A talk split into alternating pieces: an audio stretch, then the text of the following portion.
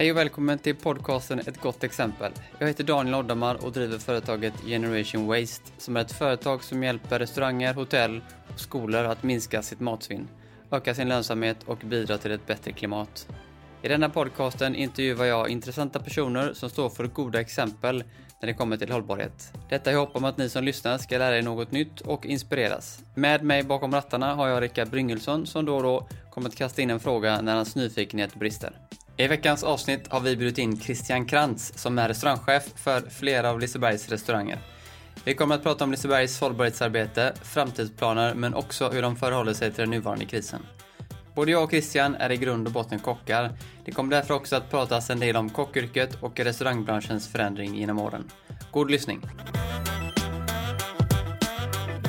Eh, man kan bli ensam på många sätt. Det är dels att man förlorar sina vänner. Eh, Dels att man tappar kontakten med sin familj och sina släktingar. När man hela tiden måste säga nej till det här kalaset eller studentskivan för du jobbar faktiskt.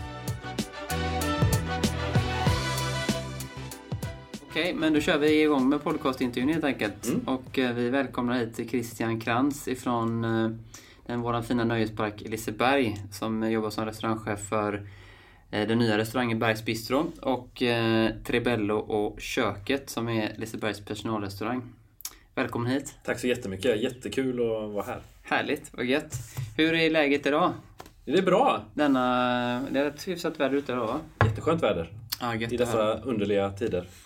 Ja, herregud, vilken, eh, vilken vår det har varit alltså. Helt otroligt. Vi, eh, jag tänkte innan vi kör igång med en massa frågor här. Hur, eh, hur, ja, hur känner du inför den här hela krisgrejen som har varit?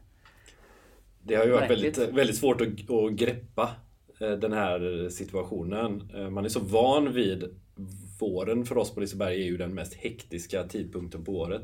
Jag jobbar som allra mest i april, maj och juni. Eh, Och nu har jag jobbat en dag i veckan på grund av permittering. Mm.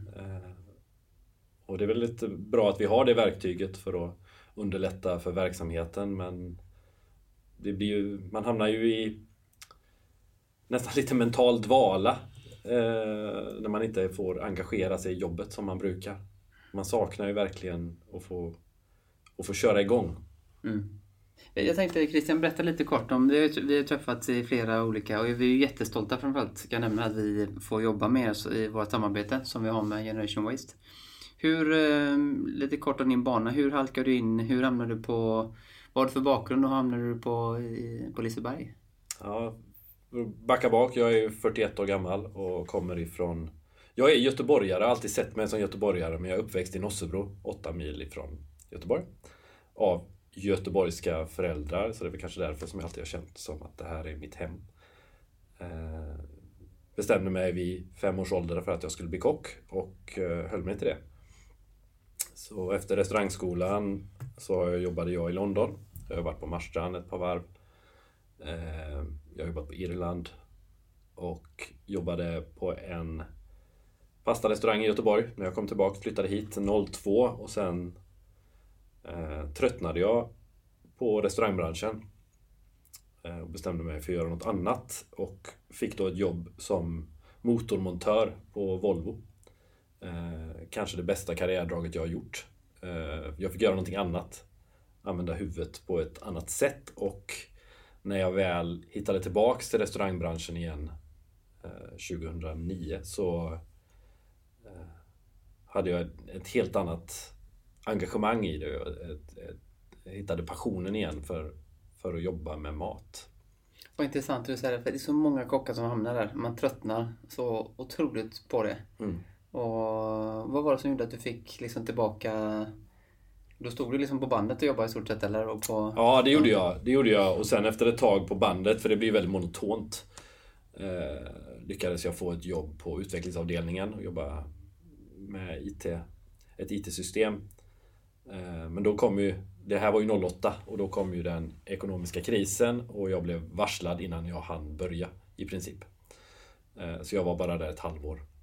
Eh, sen hade jag ett, ett jättedåligt säljjobb Eh, i ett par månader för jag ville verkligen, jag kände att jag, jag måste ju göra någonting annat. Jag, restaurangbranschen är jag ju färdig med. Eh, och helt plötsligt ringde min eh, bästa kompis som då var köksmästare på Liseberg. Och sa att han hade en position över och frågade om jag ville komma. Och så det hoppade jag på direkt. Och den vägen är det. Jag har haft ett, ett köksmästarjobb emellan på ett halvår bara, men jag kom tillbaks till Liseberg. Eh, så i princip har jag varit där i, sedan 2009 nu. Häftigt. Och jobbat som... Ja, först var jag kock och sen var jag souschef och sen var jag köksmästare. Eh, och nu jobbar jag som restaurangchef. Då. Jag tror vi har pratat om innan, men det är väl det som, är, som verkar spännande med Liseberg tycker jag, utifrån sett att det finns så mycket det är nyheter varje år mm. och det utvecklas otroligt mycket på Liseberg. Eh, de sista åren har ni öppnat det känns som att ni öppnar en ny restaurang nästan varje år. Eller ett nytt koncept, mer eller mindre. Ja, eller en uppdatering av konceptet. Vi har ju haft en otroligt stark resa de senaste 5-6 åren i alla fall på, på restaurangsidan på Liseberg. Och det är inte många som ser hur breda vi är. Eh, om man jämför med andra nöjesparker både i Sverige och i, i Europa så är det inte många som har den bredden som vi har alltifrån spunnet socker och, och hamburgare från Max till tre, två stjärnor i krav. Mm. Och närproducerat och, och sådär. Och jag som jobbar med fast casual som står mitt i, i mittensegmentet av det här då. Ja, det är häftigt. Vad är det för något? Eh, fast casual kan man säga är... Det är lite som... Det är ju samma koncept som Vapiano har eller som, som Ikea har. Mm. Att man, man outsourcar en del av jobbet till gästen. Alltså vi har ju brickservering mm. och man beställer i en kassa. Eh, sen får man en sån elektronisk puck. Så när maten är färdig så kommer gästen själv och hämtar den. Och sen när man är färdig så dukar man av sin bricka. Okay. Så det är ju mat, det är ju hemlagad mat som är serverad på porslin och man kan få ett, en öl eller ett glas vin till. Men det blir ju ett annat prisläge än på de vanliga sit-down restaurangerna. Eh, vi kan ju hålla ner, så vi ligger ju på priser mellan mellan 90 och 130 ungefär på våra rätter. Så ett, ett prisvärt familjekoncept med eh, vällagad mat. Alltså, ni båda sa att ni, ni, ni tröttnar på kockyrket. Så, och du sa ju att Daniel att det är, det är många som gör det liksom. Varför tror ni att det är så? Är det, är det, hållbar, är det inte hållbart att vara kock ett helt liv? Det är ju, det är ju arbetstiderna. Man måste ja. ju bestämma sig. Att, att jobba i restaurangbranschen är en livsstil. Eh, och ju fler av ens umgängeskrets i branschen som går vidare till andra utmaningar, desto mer ensam blir man. Eh, man kan bli ensam på många sätt. Det är dels att man förlorar sina vänner. Eh, dels att man tappar kontakten med sin familj och sina släktingar. När man hela tiden måste säga nej till det här kalaset eller studentskivan, för du jobbar faktiskt. Eh, och man, det finns få yrkesgrupper som, som är så plikttrogna som just kockar och, och övrig restaurangpersonal att man är på jobbet. Har du ett par skift så gör du det skiftet.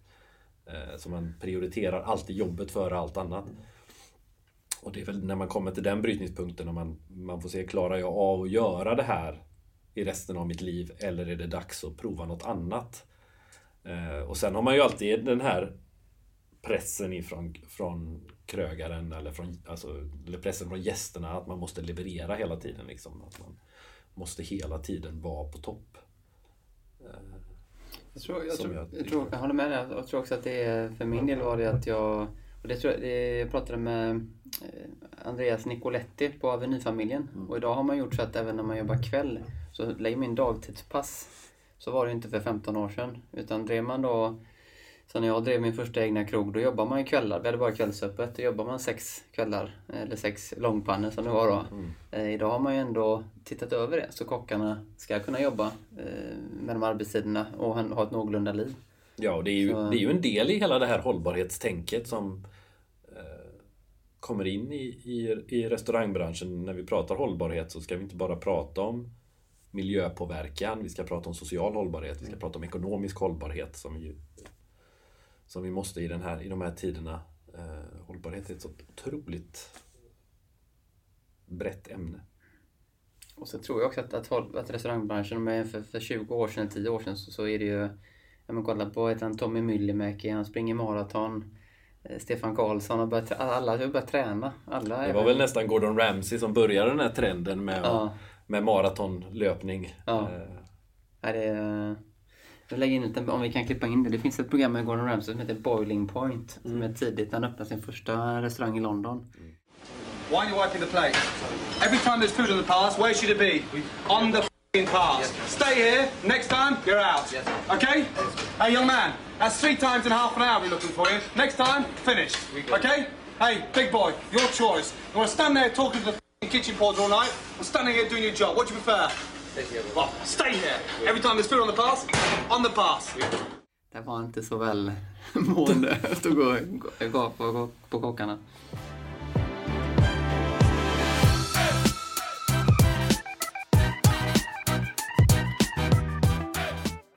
Eh, jag tänkte komma in lite grann på det här med, och det var ju så jag, vi kom in på Liseberg också och pratade lite grann om ert köket, personalrestaurangen, som är spännande.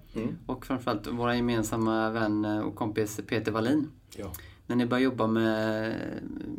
Hur, hur, vad- hur gick tankarna där när ni började jobba med era meny och era inköp och sånt där på, på, på köket? Ja, för att gå hela vägen till bakgrunden till det så Personalrestaurangen Köket re- renoverades och öppnade 2016 på våren. Eh, Den tänkta köksmästaren som skulle drifta hela restaurangen eh, valde att lämna sin tjänst eh, precis i samband med öppningen. Souschefen fick hoppa in och under de förutsättningarna gjorde ett jättebra jobb.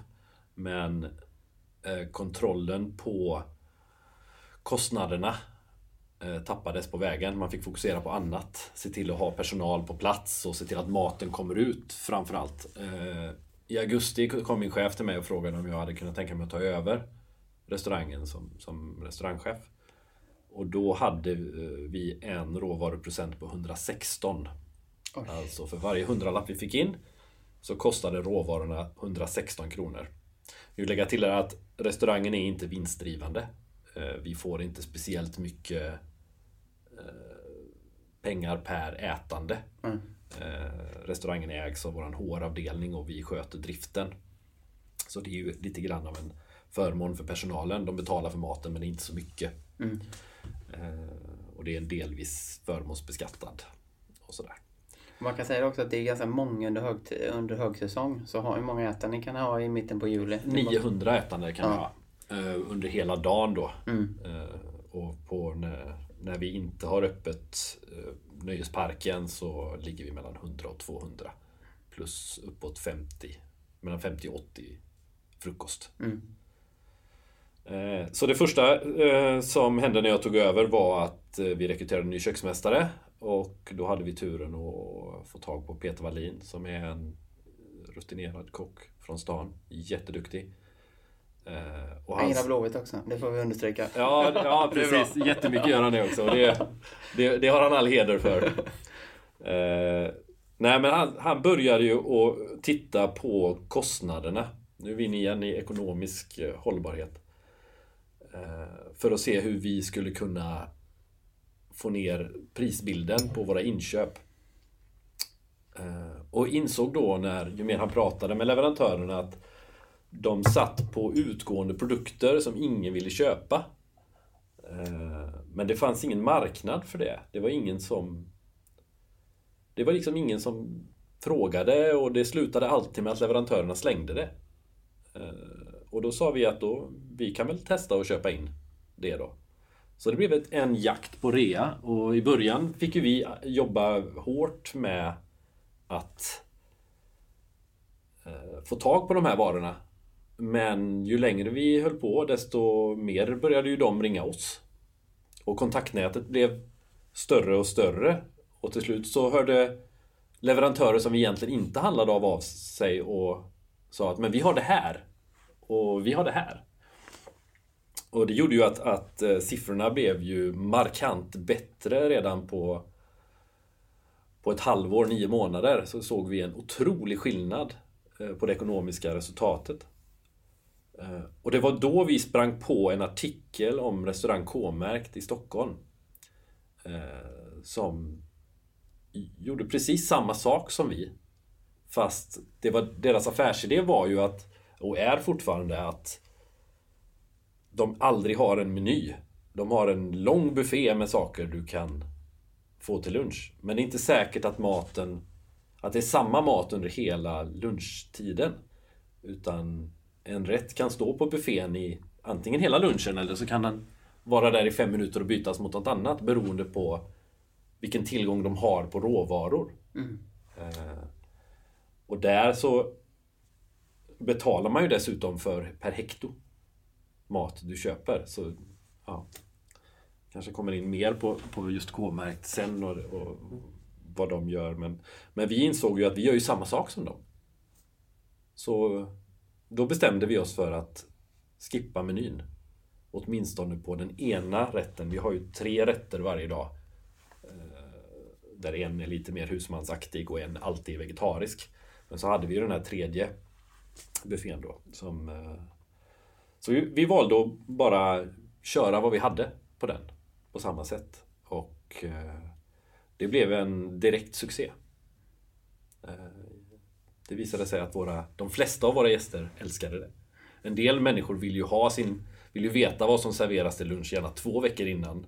För de ska kunna planera sitt matintag. Eh, Så där kanske det inte föll så väl ut. Men det, var, det visade sig att det var en så liten del av våra ätande. Och framförallt när vi kom in i sommaren när 85% kanske av våra ätande är mellan, mellan 18 och 25. Så föll det här väldigt väl ut. De gillade överraskningen. De gillade hållbarhetstänket. Eh, Och sen har vi jobbat på från det. Tror du att unga har lättare att ta till sig det? Absolut. Absolut, så ser vi eh, på alla former av hållbarhetsprojekt vi presenterar i parken. Eh, De går igång jättehårt på bara på tanken på att man jobbar på ett hållbart sätt eller man tänker på miljön. Man tänker steget längre. Att de ser att det finns en, en annan mening med det vi gör än att bara tjäna pengar. Också, det måste ju också flika in eh, Elin eh, som jobbar på Trubello. Hon är väl eh, ansvarig för restaurang Trubello? Ja, hon är arbetsledare. Arbets, precis. Och varit helt fantastisk i våra projekt. Och, och som du säger Rickard, de är mycket mer på vad det gäller digitala system. Mm. Och sätter sig in på ett helt annat sätt än vad vi som är gamla uvar gör faktiskt. Men det är ju Så nat- det är så naturligt. De har ju alltid haft digitala Mm. system, ungdomarna som är födda i slutet på 90-talet. Vi har ju fått lära oss dem. Det, Mm. När vi växte upp fanns det ju inte mer än två TV-kanaler och Mm. eh, de, de har ju... Mm, ja, de är inne i eh, systemet. Ja, precis. Men eh, för jag tänkte från det här till, köket då och, eh, och så tänkte jag lite glida in på projektet Resvinn som ni är med i. Mm. Och vi hade ju faktiskt Kristina Liljesand här förra veckan som vi intervjuade och eh, jag hoppas att vi kommer få vara med i projektet här nu efter sommaren också. Berätta lite om eh, hur ni kom i kontakt med, med, med Resvinn. Ja, det var, det var Peter Wallin igen då som eh, träffade Max Björkman som jobbar i projektet ihop med Kristina och Ulrika som också är med där. Eh, som de träffades på något möte eh, och han kom och träffade oss och berättade vad de höll på med och sen eh, hade de en inledande workshop i Malmö så vi åkte ner och träffade. Och det var ju folk från så många olika branscher som var där. Det var ju väldigt, väldigt inspirerande. Eh, så vi workshoppade där under dagen och sen kom frågan vilka vill vara med i, i fortsättningen av det här och vi hopp- sa ju ja direkt. Det här kunde vi inte missa. Eh, och trots situationen som råder så har vi kunnat köra eh, våran del av projektet under våren. Eh, och, alltså hela projektet går ju ut på att rädda mat ifrån livsmedelsbutiker, överbliven mat. Och då har vi ett samarbete i vårt projekt med ICA Maxi på Mölndalsvägen. Eh, och vi har fokuserat på kött under våren. Och det levereras till oss med cykelbud från Pling. Eh, Så, så det blir en kedja av det. Mm. Alltihop har ju att göra med att det, man ska blanda in fler, Flera part, flera parter. Att det ska vara... Man ska hitta lösningar för, för dagligvaruhandeln. eh, För restaurangerna men också för logistiker. För IT-företag och hur man marknadsför det. Mm. Just för att hitta ett cirkulärt tänk i det. För så som, så som vi jobbar idag med med sv- svinnprodukter och, och reavagnar och sådär. Det är ju bara vi som tjänar på det egentligen. Eh, leverantörerna tjänar ju på det genom att de inte behöver slänga. Eh, och de är ofta väldigt, väldigt glada av över att vi kan ta emot det. Eh, så, så så sätt så ser vi att det är en vinst för dem också. Men den stora vinsten är det ju vi i restaurangbranschen som gör. Men för att det ska bli hållbart och att vi ska man ska liksom ha ett incitament till att göra det här mycket bredare så måste ju fler kunna tjäna på det. Vi måste liksom dela på den här förtjänsten på ett solidariskt sätt så att det, det gynnar alla att fortsätta. Så att det inte blir en fluga av det bara. Jag har hävdat det länge och tänker så här, måste... För att minska matsvinn och, och, och jobba mer hållbart så kan man undvika en fast meny så är det det bästa man kan göra. Så länge du har en restaurang som har jäkligt bra, som har bra mat och bra kvalitet så att kunna ha en eller två rätter som är någonting som det du har fått tag på helt enkelt. Jag tror att det är och, och en beteendeförändring att folk måste man veta vad man ska äta onsdag vecka tre. Och man kan liksom tänka att men det, är, det är bra mat varje dag och då kan man ju komma ifrån det här liksom att undvika en meny. Då sätter det helt emot att man då vissa inköp och avtal, det blir helt, men på något sätt hitta liksom, att det är där vi måste rucka på de reglerna. Man kan ju välja om man vill ha om det är kolhydraten eller proteinet man Mm. ändrar på. Du kan ju fortfarande ha rätten där. Du kan ju ha grunden till rätten och säga det här är de hörnpelaren när vi har att jobba med i den här rätten men den här delen är inte konstant. Mm. Eh, Det kanske är... eh, Säg att man bestämmer att det är en vit fisk och så har man tillbehör som passar till den. Men då spelar det inte så stor roll kanske för den här rätten om det är torsk eller om det är kummel eller om det är kolja. Eh, Att det kan variera, likaså att grönsakerna kan variera. Och det kan, man kan jobba så utan att rucka på kvaliteten. Mm. Vi var på besök i, i Stockholm i våras och träffade Rune Kalf Hansen Mm. eh, Han på hans restaurang Kalf och Hansen. Och han eh, har ju varit en pionjär på det, framförallt på det vegetariska köket i Sverige. Men, men han har ju Han har ju en restaurangkedja som har tre stjärnor i krav. Och jag har försökt att googla runt och jag hittar inte så många andra som har det på restaurangsidan. Det är ju mycket, det är ju en del skolor och förskolor och olika typer av boenden som, som har lyckats få tre stjärnor i krav. Men just på restaurangsidan är han nog väldigt ensam. Och han lagar mat som kostar 120 kronor. Alltså snabba rätter som... Han säger att han vill vara ett komplement till McDonalds innan man går på bion, till exempel. Eh, och gör då, eftersom han är dansk så baseras det på frikadeller.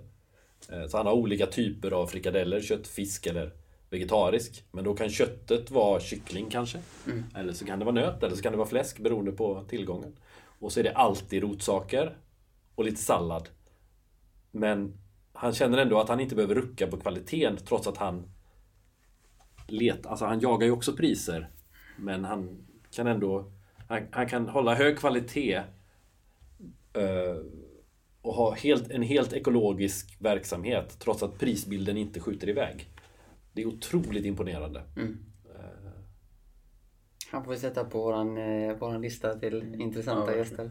Jag var och lyssnade på en tjej som, eh, nu minns inte jag namnet, men jag säger hennes Instagramkonto, eh, portionen under tian. Som vi har köpt hemma nu, eller kört hemma hos oss. Och det, man kan laga mycket god mat om man tar bort kött och fisk, alltså de här, och får fram och jobba med svenska råvaror. Likaså de här nordisk råvara eh, är ju fantastiska. Ja, det är ett otroligt häftigt eh, Ja. företag. Det är som att köpa en fin flaska vin när man ser deras eh, ursprungs... Ja. Ja, det är häftigt.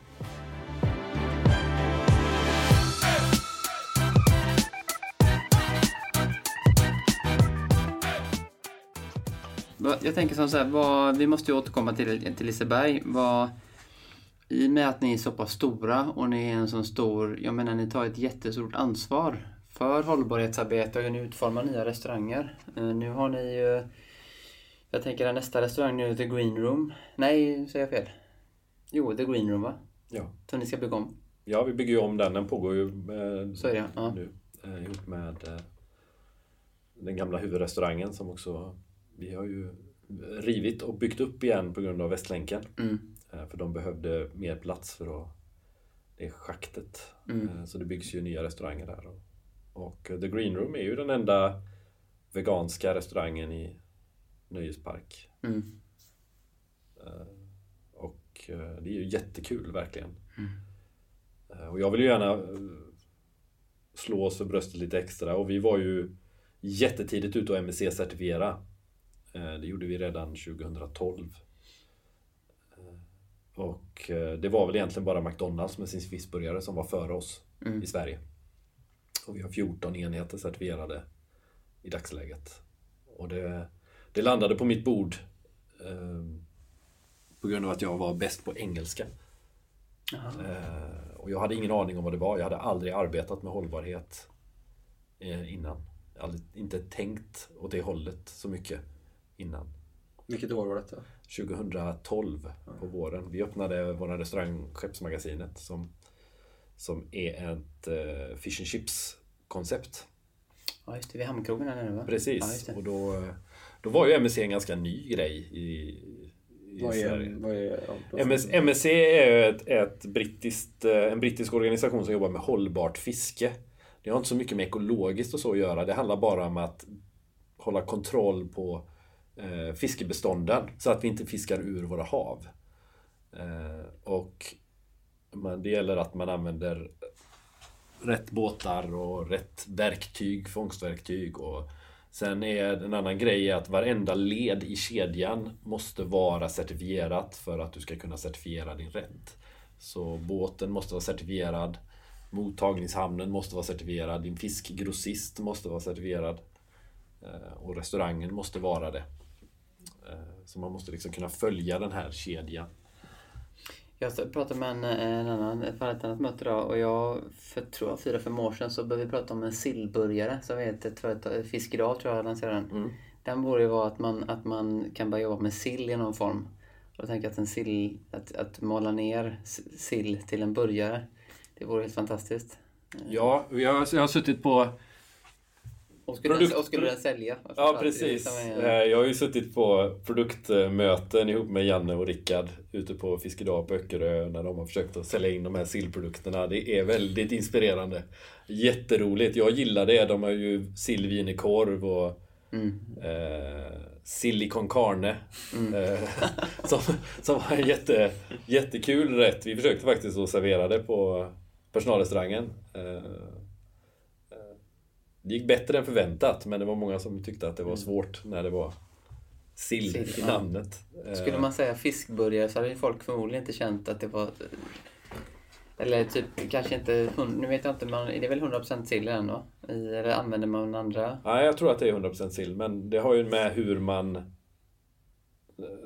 hur man bereder den, hur tidigt, hur snabbt du bereder den för att den inte ska få den här sillsmaken. Mm. Eh, Om man jobbar snabbt så, så blir det inte så skarp Nej. i smaken. Eh, Och det har ju ett högre omega-3-värde än vad lax har. Mm. Eh, Och den är närproducerad. Mm. Och det finns massor. Eh, Så ja, sillen vill man ju slå ett slag för. Det är en jättebra... Vi kanske får se en, sill, vi kanske får se en sillburgare på Liseberg 2021 kanske? Ja, ja varför inte? jag. Jag är öppen för allt. Eh, vad, är, vad är era största utmaningar? Ja, nu först och främst kanske att parken ska öppna, men vad, är, vad ser du som era största utmaningar att, att jobba på Liseberg? Och, och, och när man har en så stor park, och jag tänker med, vi pratade om personal innan, men vad är era största utmaningar? Nu är ni inbyggda kan man säga. Nu har ni Västlänken på ena sidan och det nya hotellet på andra. Mm. Eh, men vad är era stora utmaningar? Ja, alltså den, den logistiska utmaningen den går inte att sticka under stolen med i dessa tider nu. Eh, vi kommer säkert klara det jättebra. Eh, men eh, det byggs ju väldigt mycket. Och det kommer att byggas väldigt mycket runt där, runt våran arbetsplats och våran park. Så eh, det är bara att hoppas på det bästa. Att, eh, att, det, att gästerna hittar in i alla fall på ett, ett smidigt sätt. Sen är ju kompetensförsörjning har ju alltid varit en utmaning Eh, just på grund av att vi inte har öppet hela tiden. Vi har ju försökt att eh, årsanställa på olika procentsatser mer och mer människor för just för att binda upp och vara eh, konkurrenskraftiga. Och det vet vi ju inte heller hur det här kommer bli efter, efter covid-19-tiden. Och där är ändå parken nu man ser, för det är lite längre, sommaruppehåll, sommaröppet är ju längre och sen går det ihop med, med halloween och så kommer mm. jul. Så hösten är ändå mer så säga, sammanhängande än vad den varit innan. Precis. Och jag tror att i, i min verksamhet som jag har så är min största utmaning också min största styrka och det är att jag jobbar med outbildad personal. Att de som eh, jobbar på Bergs Bistro och på Trebello eh, och en viss del även på köket. De som jobbar som restaurangbiträden, de eh, kommer ofta från, de kommer direkt från gymnasiet oftast, eller går de på högskola. Och eh, deras högsta dröm i livet är inte att jobba i restaurangbranschen. Eh, men vi lär dem det de behöver kunna på plats. Och de får lära sig allt. De får en grundläggande restaurangutbildning hos oss. Med allt vad det innebär, eh, så att de klarar av jobbet. Och de gör dessutom allt. Alla som jobbar hos oss står i kassan, står i disken, står i baren, jobbar i köket. Och det gör ju också att man inte blir sårbar alls. Eh, jag har ju en teori om att 25% av en kocks jobb är att laga mat. Mm. Allt annat är så mycket, många andra parametrar som man måste klara av. Man har ju stött på många människor i sitt utanför restaurangbranschen som säger att ja, men jag är duktig på köttfärssås, jag borde nog bli kock. Mm. Och då får man ju försiktigt förklara att det finns mycket annat som kockar jobbar med. Mm. Det här med att komma i tid till jobbet, sociala kontakter, det behöver man ju på alla arbetsplatser. Stresshantering som är någonting helt annat i restaurangbranschen än vad det är i andra yrken. Det är en helt annan typ av stress man utsätts för. Eh, ordning och reda. Eh, Missan plast som vi kallar det. Alla lyft, allting man packar upp och packar Precis. in. Och Förmå förmågan att kunna läsa bångar eller då beställningar på mat. Och strukturera upp det. Eh, städning. Livsmedelshygien. Eh, och jag anser att du kan du kan komma undan med om du kan allt annat. Matlagning kan du få hjälp med. Alltså jag har ju sett kockar som har varit hos mig och gått vidare till restaurangbranschen som eh, har klarat sig jättebra eh, utanför. För att de just har strukturen i... De kan trycka ut maten väldigt snabbt. Mm. Eh, och de är väldigt strukturerade och det är snyggt och rent och ordning och reda för det har de, det har de lärt sig hos, hos oss. Det är bara att de behöver kanske lite hjälp med när det ska komma till kryddning eller känsla eller mm. sådär. Eh, och jag brukar säga att är du, är du bara bra på de 25 procenten som jag anser i matlagningen, då kan du vara med i Mästerkocken. Men det som de som jobbar på då Bergs Bistro och Trebello och många andra fast casual restauranger som anställer som vi gör är att de är bra på allt annat. Och då tycker jag också om man jämför eh, vad kock, alltså kunskapen hos kockarna vad det gäller rå, råvarukunskapen har ju blivit otroligt mycket bättre de sista åren. Mm. Och att de har blivit bättre på ja, men hur det odlas och vad som odlas och sånt där. Det tycker jag är häftigt. Våran räddning är ju också att, att eh, om man tittar på leverantörssidan så jobbar det ju en före detta kock på varenda företag som levererar mm. mat till oss, minst. Det står ofta kockar som produktutvecklare vilket gör att man kan få hjälp med så mycket mer. Eh, vi, vi jobbar ju med det som i USA kallas 7 8 matlagning. Att mycket, många av produkterna är ju helfabrikat. Eh, just till de två restaurangerna som jag har då. Eh, men vi har ju skrivit recepten och vi har påverkat. Vi har en bolognese som vi har produkt, produktutvecklat tillsammans med producenten och bestämt hur mycket salt och peppar och tomater ska vara i den och vilka örter det ska vara. Men de producerar den åt oss. Så att min personal bara kan göra slutarbetet eh, på den.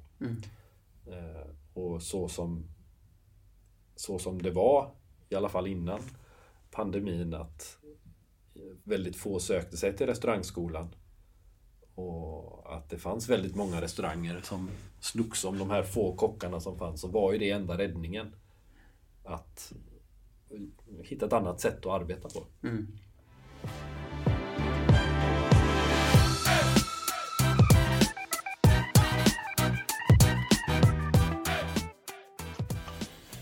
Ja, det är väl också bra att avrunda snart. Mm. Jag tänkte... Fan vad klockan gick fort alltså. Ja, en fråga som nog många undrar, som inte du kanske kan svara på, men vad, hur, hur ser ni på när ni kan öppna igen och vad är ni vid den processen? Ja, den ligger ju lite ur, utanför våra händer nu. Eh, eftersom vi faller under ordningslagen eh, som säger att folks, folksamlingar under över 50 personer får man ta, lite som demonstrationer och sådär, så ligger ju tivolin med där. Eh, och det är det som styr oss just nu. Eh, och den är... Men det är ju uppe... Vi för ju en, en eh, för en dialog med regeringen. Det är ju som det ser ut nu så är det väl vi och Gröna Lund och Skara Sommarland som är drabbade av att inte få öppna. Mm. Så vi hoppas att vi får en lösning snart. Så att vi kan få ta emot gäster. Vi har ju ett, eh, en lösning eh, som vi kallar för ansvarsfull öppning. Eh, Så vi har en tydlig plan på hur vi ska gå tillväga för att det ska bli så säkert som möjligt för våra gäster den dagen vi får ta emot dem. Så då blir man ännu mer, vi som är göteborgare, eh, just med mm, har vi inte några konserter, vi ställer in Gothia Cup och Partille Cup, då blir ju Liseberg vår sista utpost. Och jag tror inte man, det är först nu man inser att vad mycket Liseberg betyder för Göteborgs stad. Och hela sommar, eh, för hela sommarhalvåret egentligen, i stort sett. Ja, den ekonomiska biten för staden är ju en sak, men det är ju, det är ju hjärtat i Liseberg eh, som vi alla, alla bär en del av. Det är ju våran park. Det är väl det som är den stora fördelen med att, att kommunen äger Liseberg. Det är ju att det är våran park. Det är ju vi som lever och bor här och betalar skatt här som i princip äger parken. Eh, Så det är ju jätteviktigt för oss alla att vi får komma igång snart. Mm.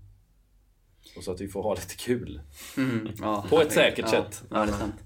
Jag tänkte på en sak till, bara några, eh, jag har några snabba kvar här. Mm. Eh, hotellet, när kommer det öppna? Vet man Är det Ja, vi jobbar. Den, det byggs ju för fullt. Ja, ja. Så eh, 2023.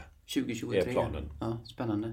Jag såg också ritningarna på hur det kommer se ut. Jag tänker nu är det stökigt som fasen runt Korsvägen men när det Västlänken blir klar då blir ju någonstans accessen till Liseberg ännu bättre och snabbare. Med en station, på något sätt på sikt så kommer det bli väldigt, väldigt bra. Ja, Tror jag för hela området runt Korsvägen. ja och det, det är ju inte den bästa trafikplatsen i Sverige som det är nu. Så Nej. någonting behöver ju göras. Mm. Och du får ge, vad är ditt bästa hållbarhetstips Christian? Ja, det, någonting som, som man har pratat mycket om, så jag kommer säkert att upprepa det som alla redan har hört flera gånger. Men bäst före-datum, det kan inte poängteras tillräckligt ofta. Alltså hur man ska arbeta med bäst före-datum. Bäst före-datum är en garanti som leverantören har lovat att så här länge kommer den här produkten att hålla. Det kan vi garantera. Det säger ju inte att det är dåligt dagen efter.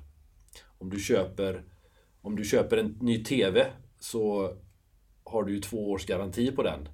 När det har gått två år så är det ju klart att du trycker på knappen och kollar om den fungerar innan du kastar ut den i soporna. Det gäller samma med ägg, det gäller samma med mjölk. Eh, lukta, smaka, känn. Mm. Och om det känns jobbigt i början så får man försöka att lära sig. För allting håller mycket, mycket längre. Mm. En del, en del produkter kan ju hålla i flera månader efter bäst före datum och en del produkter kan hålla i flera år. Det beror ju på hur det långt tidsspannet var från början. Så man ska alltid kolla på sina matvaror Mm. och lukta och känna. Ja, grymt bra. Eh, Jag tänkte också, jag hade faktiskt förmånen att, att få titta in på er nya restaurang. Eh, Nu ska ni ha en pressrelease på den i nä- i nästa vecka. Nästa vecka. Eh, Bergs Bistro. Ja. Det kommer bli otroligt häftigt. ja, vi har ju byggt en ny attraktion som vi kommer att presentera i samband. Och stärk, förstärker konceptet i vårt kaninland. Och binder liksom ihop hela kaninlandet med den nya attraktionen, den nya, nya uppdaterade kaninbutiken, den nya scenen för kaninerna och restaurangen då. Och allting går i ungefär samma tokiga färgschema. Eh, och det är, finns väldigt mycket att titta på inne i restaurangen. Jag vill ju hävda att det finns ingen restaurang i Sverige som liknar Bergs Bistro. Eh, och våran tanke är ju att det är barnens restaurang. Eh, så alla rätter går att få för stora och små magar. Och eh, eh, barnens mat ska presenteras först. Och kanske häftigaste stället där man kan tvätta sina händer skulle jag vilja säga. Utan att säga för mycket. Den är Ja. otroligt häftig. Det är viktigt. Det, är viktigt. Ja, det är var viktigt. en priofråga för oss när vi utvecklade restaurangen. Ja, bra i dagar som dessa. Sista frågan Christian. Eh, vem tycker du att vi ska intervjua härnäst i ett gott exempel? Jag tycker ni ska träffa Anders Gustafsson från Edsvära eh, som föder upp grisar med nästan ingen klimatpåverkan alls. Eh, En väldigt inspirerande människa som jag träffade i eh, höstas. Det var han vi träffade på Scandic. Han var föreläste på Scandic Precis. Popalen. Ja, Ja, just det. Ah, Precis, han eh, odlar ju sina egna, sitt eget foder och har en biogasanläggning som drivs av grisarnas gödsel, så allt går cirkulärt. Mm. Eh, ja, han är, det är väldigt inspirerande och ger ett hopp om eh, framtiden. Grymt. Här måste vi ta in eh, Rickard. Verkligen. Toppen. Vi håller tummarna för att Liseberg ska öppna. Eh, vi håller alla tummar, alla tår. Och så eh, hoppas jag att vi ses eh, snart igen Christian. Tack så mycket för att du ville komma hit. Ja, tack så för att mycket. jag fick komma. Grymt. Tack.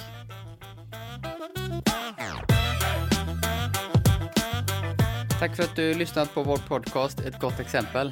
Du hittar oss på Acast, iTunes och nu även på Spotify. Du hittar oss även på Instagram där vi heter Ett gott exempel.